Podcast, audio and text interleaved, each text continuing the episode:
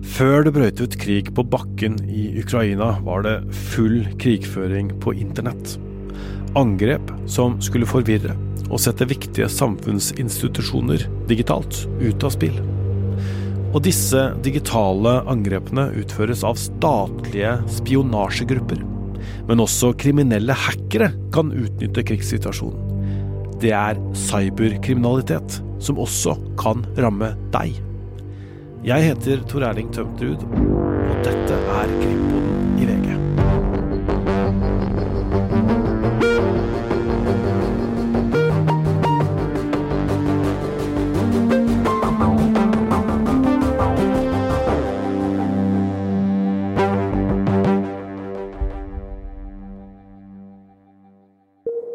Midt i januar så begynte angrepet. Vær redd og forvent det verste, var beskjeden som hackerne la igjen på nettsidene til flere departementer i Ukraina. De mistenkte at russerne sto bak, men frykta ikke da at det ville bli noen invasjon.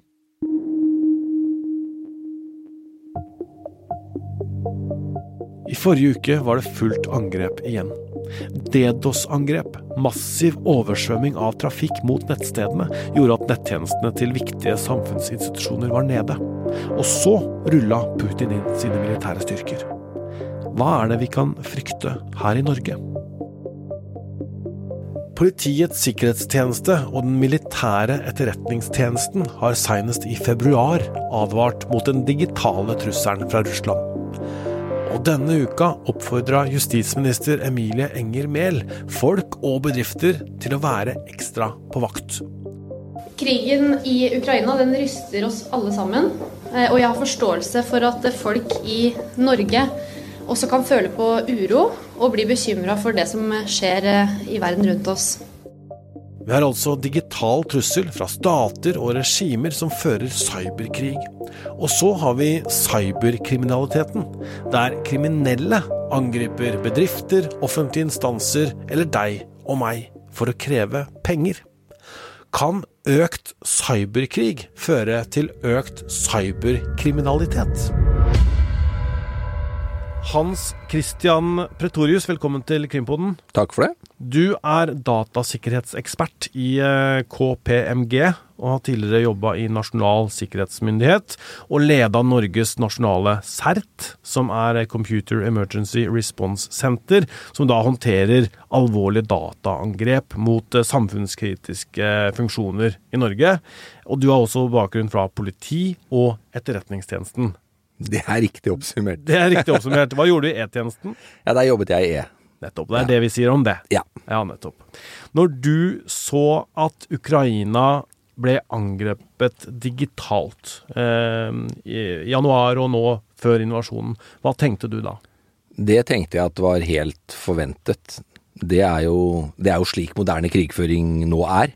Eh, cyber er et domene, på lik linje med luft og sjø og vann, i og for seg. Uh, og brukes aktivt som, for å nå et mål. For å, gjerne for å forsterke en operasjon, for å ta ut en kapabilitet, osv. osv. Um, og så klart, og så gjorde jeg meg noen refleksjoner når i hvert fall det som er kommet fram i media så langt, dreide seg om DDoS, liksom tjenestenektangrep mot nettsider, som sånn sett i liten grad har en effekt. Så jeg tror jo at uh, cyber er blitt brukt i et større monn enn det vi har sett, uten at vi vet det ennå. Det, det, får vi kanskje vite etter hvert. Da. Det, ja, det vil jeg tro, faktisk. Men er da et cyberangrep noe som ledet fram til en krig? Altså første steget? Ja, eller det, det, er jo naturlig å bruke et cyberangrep for å ta ut eller svekke en eller annen kapasitet, da. Det er klart, idet du begynner å ta, slå ut strøm, eller det du begynner å slå ut ekom, så, så, er det jo ting som forsvinner. Du kan jo bruke det for å ta bort en radarkjede, du kan bruke det for å redusere muligheten for å kommunisere osv. Så, videre. så Så det er jo det å svekke egentlig ulike forsvarsmekanismer, er, mål, er målet da, når du uh, gjør cyberangrep. Når øh, disse angrepene mot Ukraina, øh, hva veit du om dem?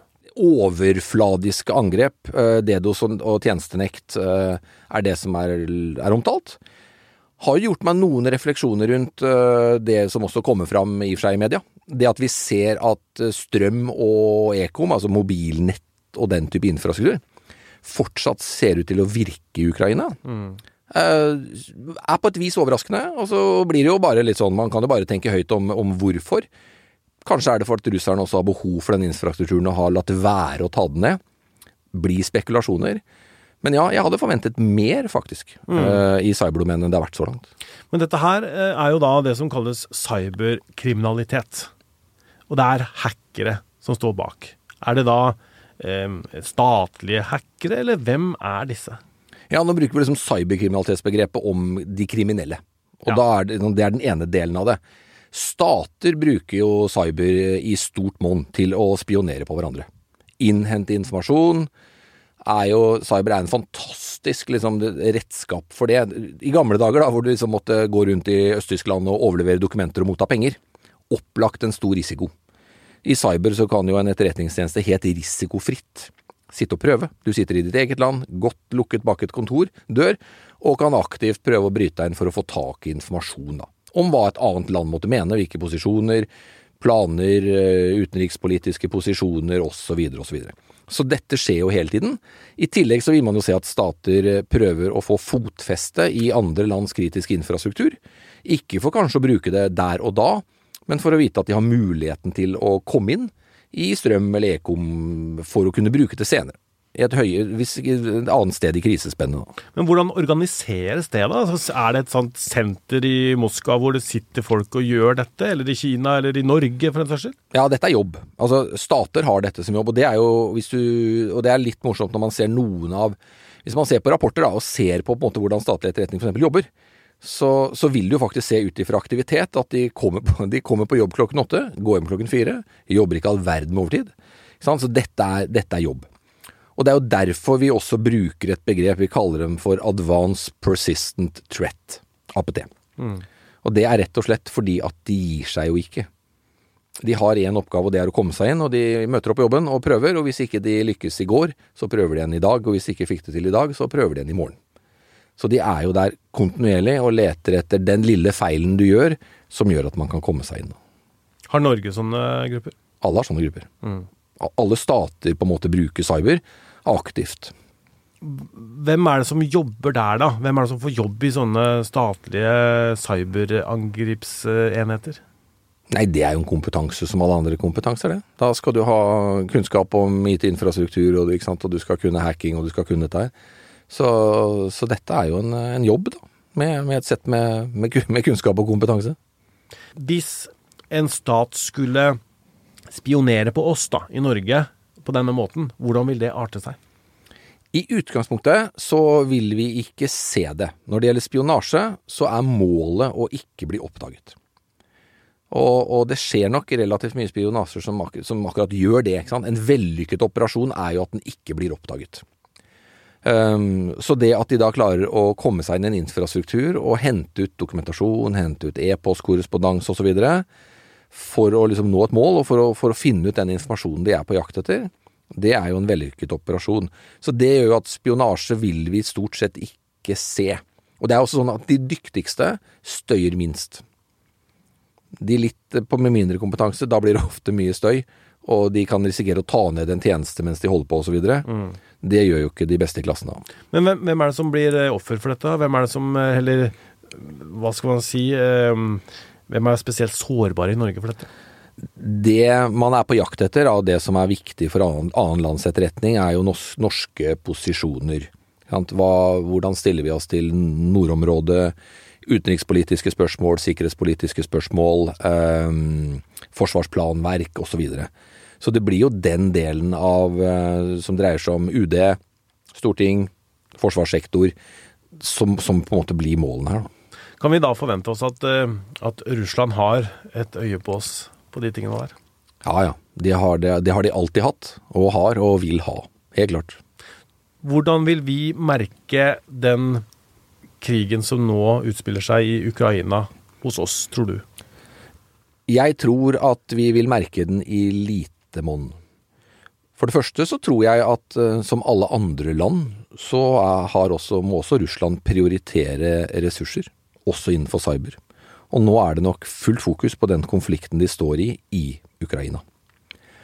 Så sånn sett så kan man nok tro kanskje at akkurat nå så kan aktiviteten gå ned. Det er i hvert fall ingen grunn til å tro at den vil gå opp umiddelbart. Og Det er noe med en ressursdiskusjon å gjøre som, som også russere må ta. Eh, over tid så tror jeg vi vil se en økning.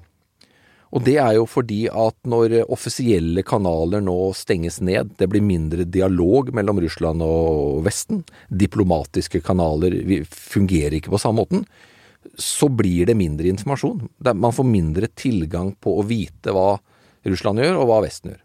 Da får etterretningen en viktigere rolle. Da blir det viktigere å få tak i informasjon. Så sånn sett så kan vi forvente en økning i cyber innenfor spionasjedelen av liksom etterretningsdimensjonen.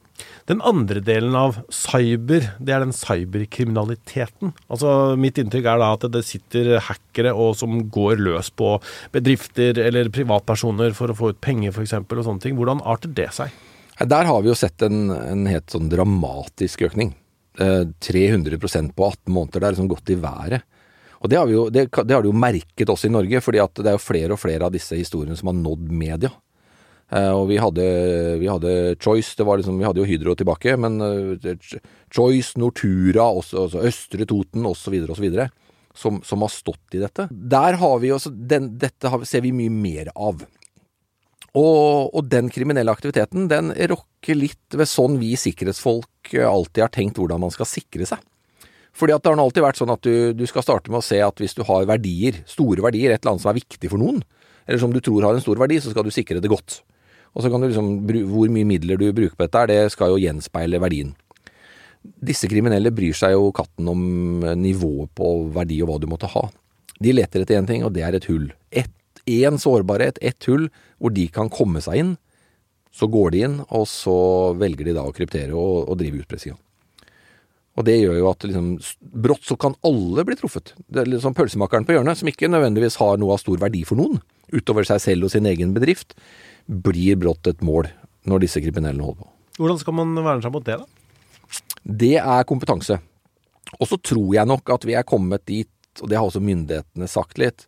For mange så tror jeg man skal si at det å, det å ha en sånn liten IT-kjeller med noen servere og en, en halv stilling da, som skal holde dette i gang, det holder ikke lenger.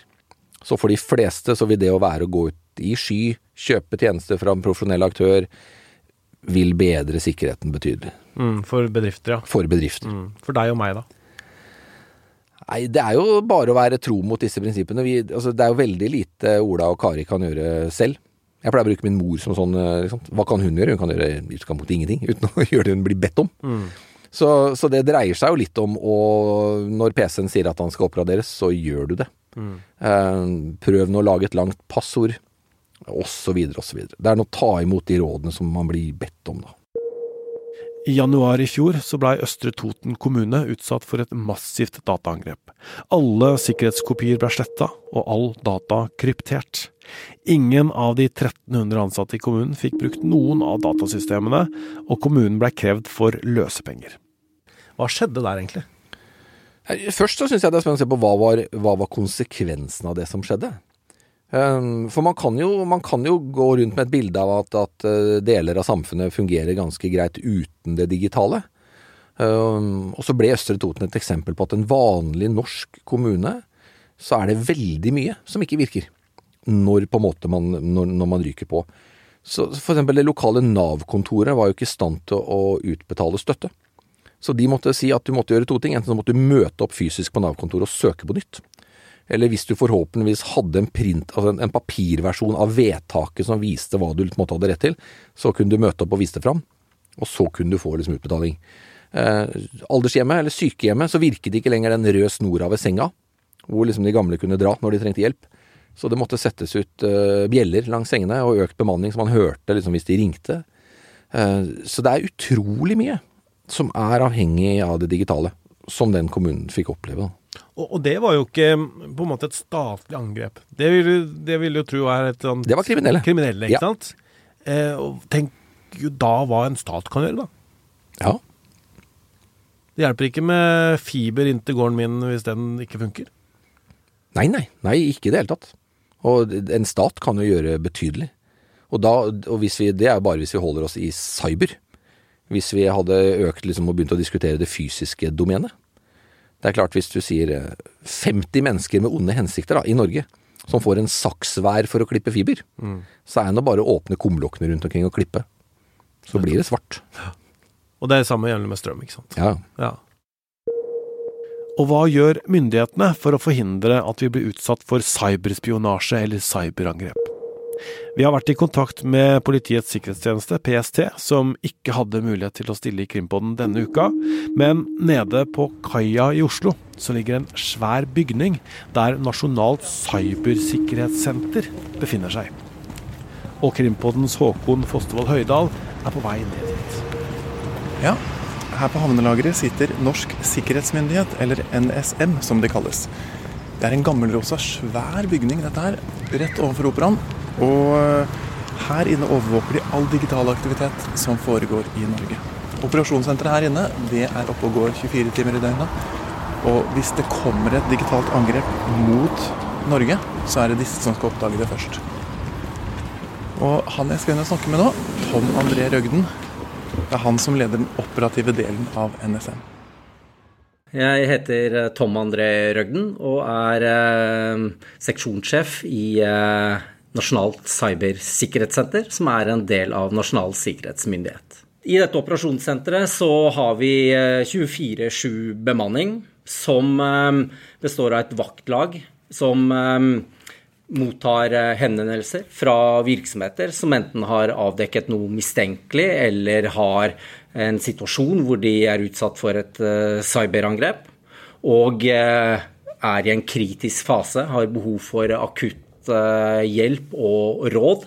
Mens vi sitter her, så er det noen inne i systemene til norske virksomheter som ikke burde ha vært der. Det som kjennetegner det, er jo gjerne at eh, det er en inntrenger som har kommet seg inn i systemet. Enten ved å utnytte en sårbar, teknisk sårbarhet, eller sendt en eh, phishing-e-post som man har klik klikka på en lenke og avgitt f.eks. brukernavn og passord, som gjør at eh, en aktør får tilgang til et system. Og gjerne når en aktør får tilgang til systemet, så starter de å orientere seg i nettverket. Hva er det de nå er inne i, og hvordan er dette systemet bygd opp? Og hvordan kan man etablere bakdører for å sikre et fotfeste og tilgang, slik at man også kan kommunisere ut med en kommando-kontroll-infrastruktur. Så vil jo aktøren begynne å gå etter eh, informasjonsverdier. Det kommer jo helt an på hvilken intensjon aktøren har. Er det en aktør som er ute etter våre nasjonale verdier, så går de ganske målrettet til verks for å finne eh, det. Det kan også være eh, løsepengeaktører som driver med digital utpressing, som ønsker å kartlegge nettverket, finne hvor backupen er, finne, ta ut informasjon og eh, detonere et løsepengevirus som gjør at man krypterer systemet og krever løsepenger for å dekryptere. Og Trenden der også har jo i tillegg vært at eh, de nøyer seg ikke bare med å kryptere systemet, men eh, har også tatt ut informasjon som de truer med f.eks. å publisere offentlig. Er det blitt mer eh, digitale angrep de siste åra? Ja, vi har omtalt et taktskifte, og har egentlig opplevd en ganske dramatisk økning i antall hendelser de to siste årene spesielt. Det er en tredobling fra 2019 og frem til i dag i antall alvorlige hendelser som vi kategoriserer i en uh, matrise, og da betyr det at det er av en viss alvorlighetsgrad. Og det er en trend vi har sett, og eh, ser ingen grunn til at det nødvendigvis skal avta med det første heller. Operasjoner blir mer komplekse og har ofte også internasjonale forgreininger og rammer flere, og ikke bare nødvendigvis én virksomhet. Du snakker om statlige aktører og, og private aktører. Kan du fortelle noe mer om hvem er de?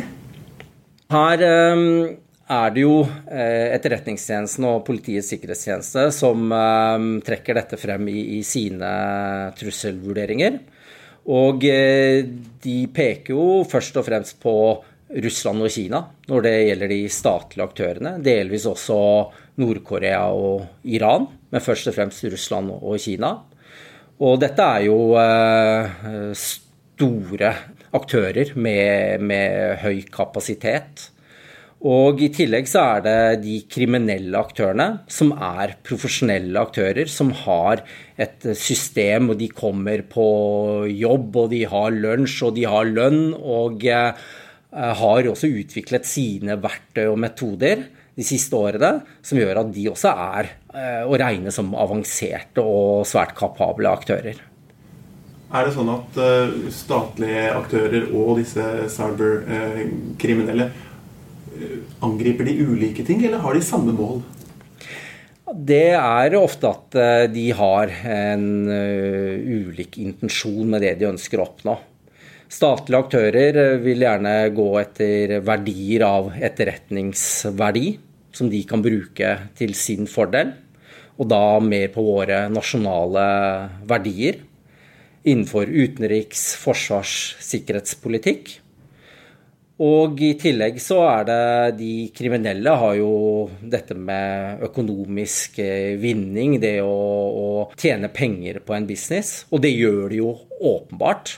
Fordi dette er noe som utvikler seg, og det er eh, virksomheter som eh, betaler seg ut av situasjoner. Noe vi for øvrig anbefaler å ikke gjøre. For det er ikke gitt at du får systemet ditt dekryptert og opp og gå igjen. Eh, og det er heller ikke gitt at de ikke kommer tilbake til det, i og med at du har vist en betalingsvilje første gangen. Og det er heller ingen garanti for at de publiserer eller offentliggjør informasjon som de eventuelt har tatt ut av systemet. Men det du sier er at eh, statlige aktører de, de jobber ikke med ransomware på den måten der? Hvilke metoder og teknikker disse aktørene bruker, det kommer helt an på hva de ønsker å oppnå. Og eh, eh hva som eh, primært, så når det gjelder den destruktive delen som går på løsepengevirus og eh, som gjør at man utilgjengeliggjør systemer, det er i utgangspunktet noe som har vært eh, en metode som de kriminelle aktørene bruker. Men vi skal heller ikke utelukke at det er en risiko for at andre aktører også kan benytte den type metoder for å kunne mm, tilgjengeliggjøre informasjon og systemer. Dette angrepet som nå pågår mot Ukraina, det ble foranlediget med et uh, digitalt angrep. Hva vet du om det som skjedde med Ukraina? Ukraina har jo gjennom flere år vært utsatt for eh, cyberangrep som eh, skiller seg litt fra det man har sett i andre land, og hva andre land har opplevd. Eh, spesielt så var det um, strømsabotasje i 2015 eh, og 2016 som førte til at strømmen gikk rundt juletider i begge de årene.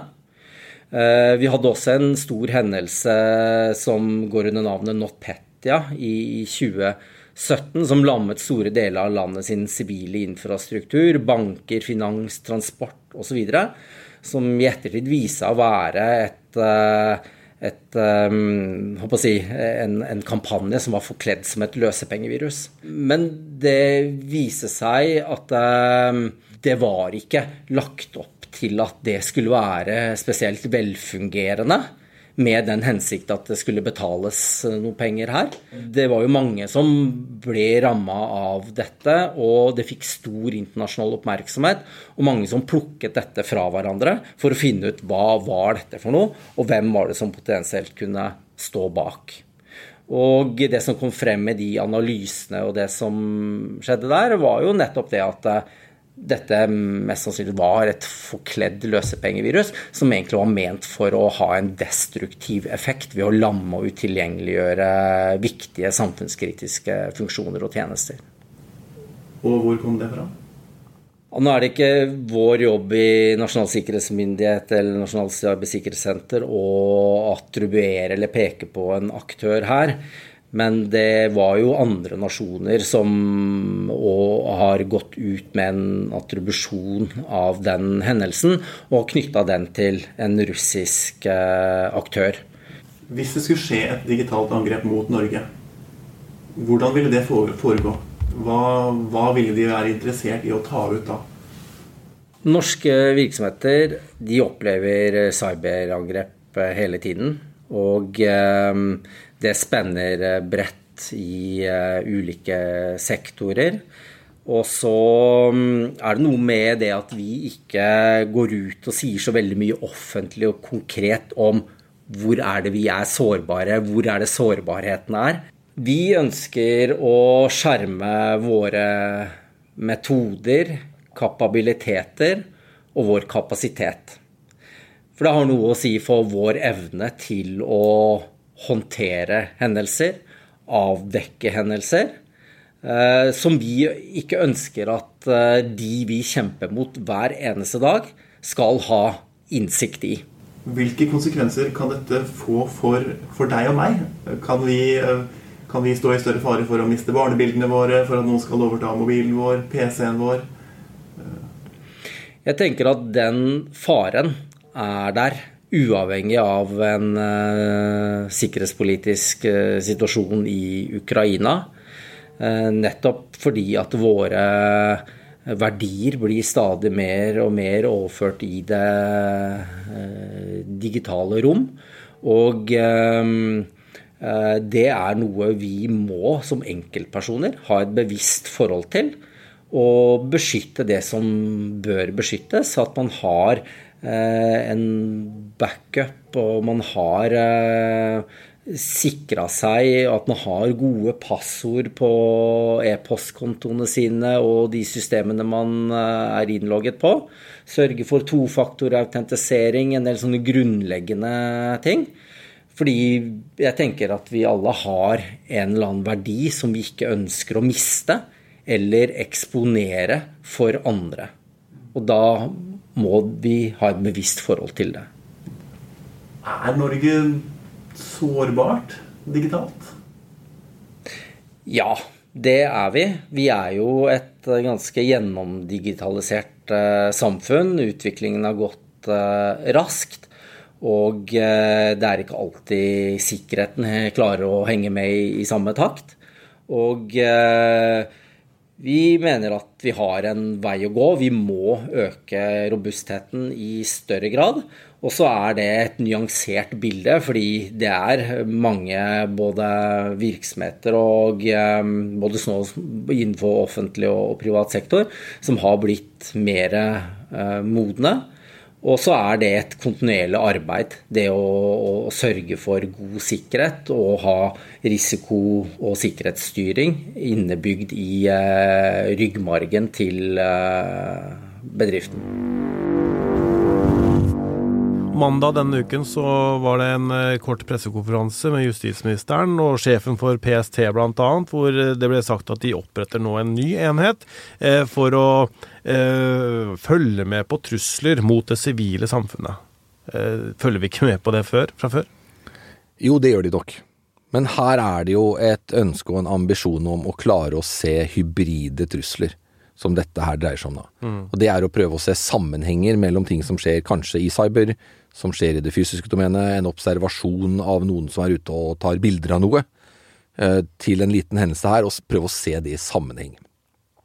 For det må man jo gå ut fra at en aktør, en statlig aktør som skal påvirke Norge i en eller annen form, vet veldig godt hvilket hjemmelsgrunnlag ulike myndigheter har. De vet Så det å prøve å utnytte hullrommet mellom stolene, for å si det sånn, det er jo helt opplagt at de vil gjøre. Mm. Så dette er jo et forsøk på å prøve å se en helhet over alt som skjer i alle domener, for å kunne se mønstre.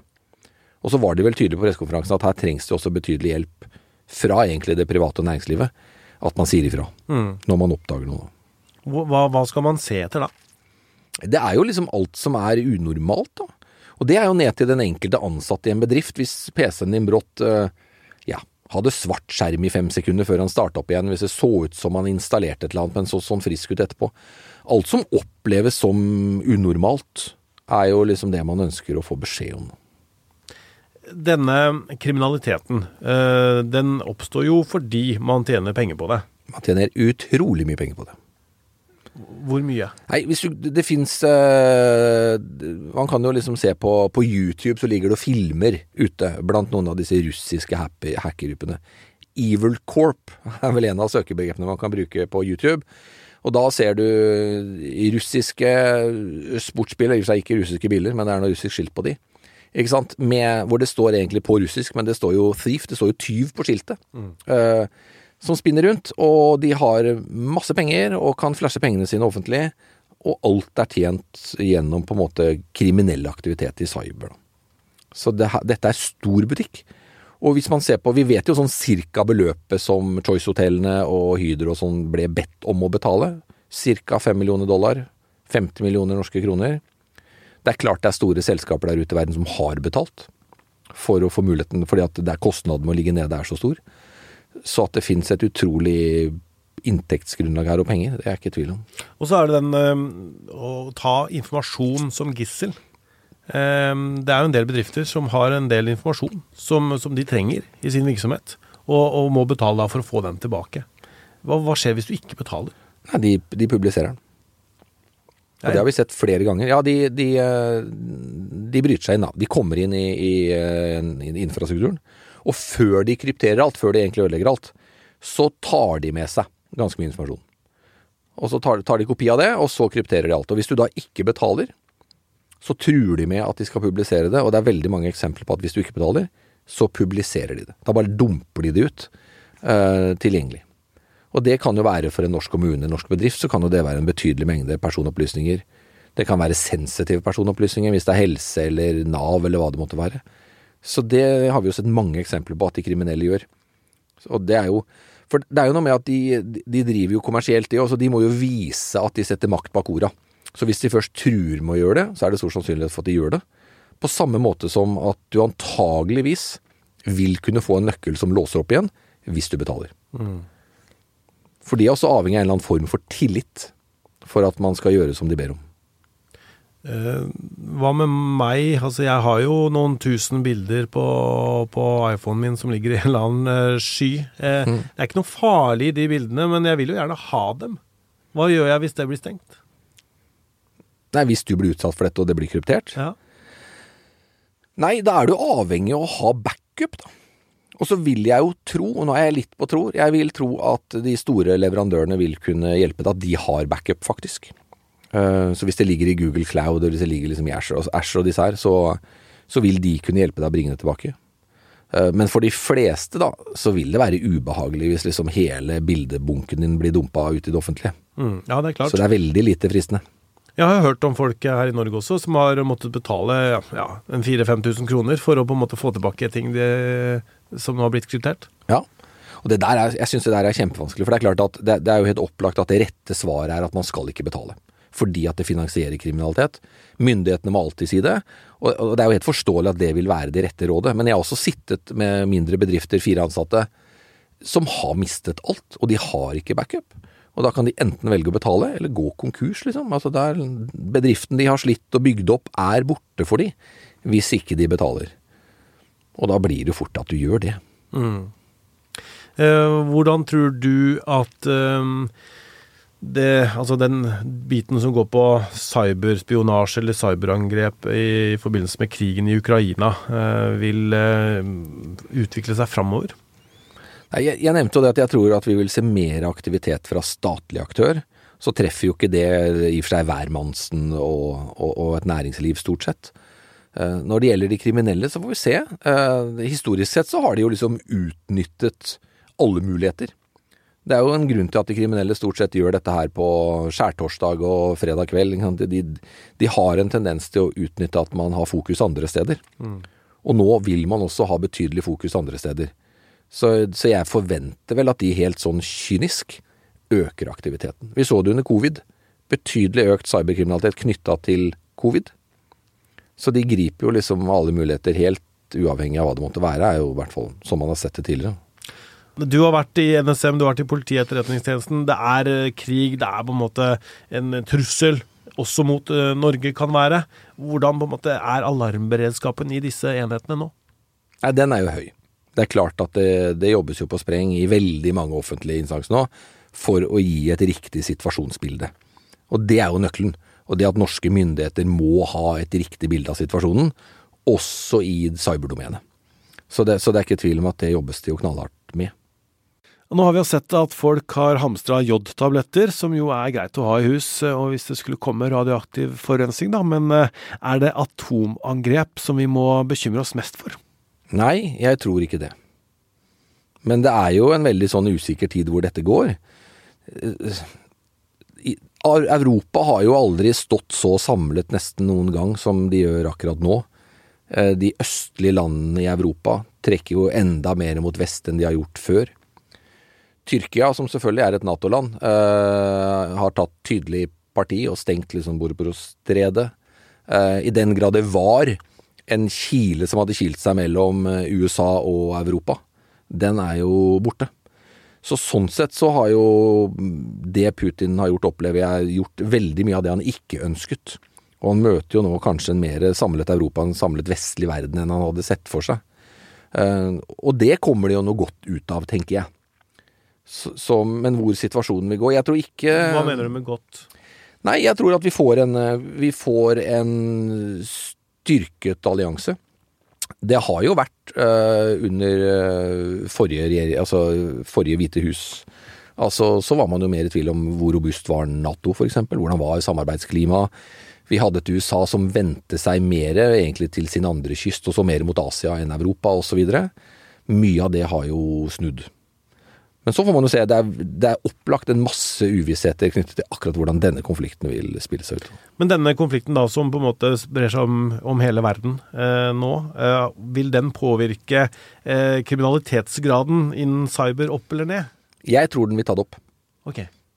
Rett og slett fordi at jeg tror at veldig av veldig mye av lands eh, etterretningskapasitet, overvåkningsmulighet osv. vil dreie seg om å se på statlig aktør. Fokus vil være konflikten i Ukraina, fokus vil være i Russland. Um, som antageligvis vil gi et mulighetsrom for de kriminelle å gå litt mer under radaren, og det tror jeg de vil utnytte.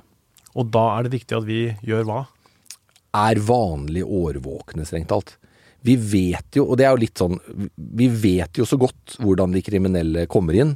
Det er jo den klassiske historien med denne e-posten som blir klikket på, det er denne linken. Det er det, det, er det liksom sikkerhetsfolk har snakka om i 20 år, som fortsatt gjelder.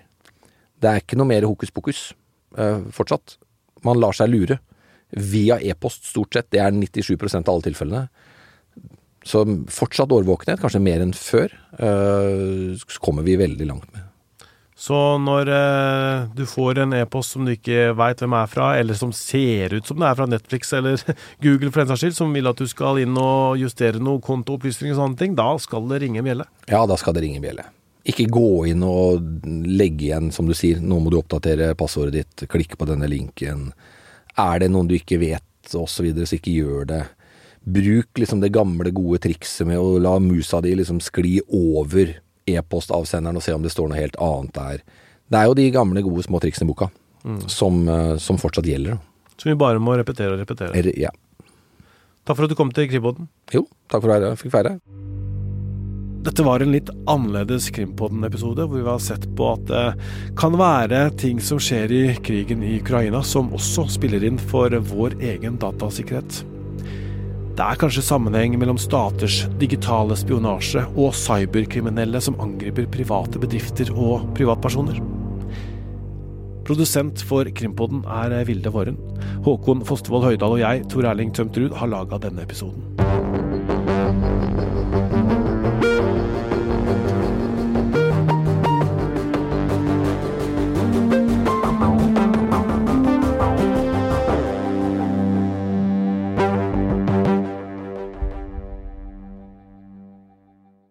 Du har hørt en podkast fra VG. Ansvarlig redaktør, Gard Steiro.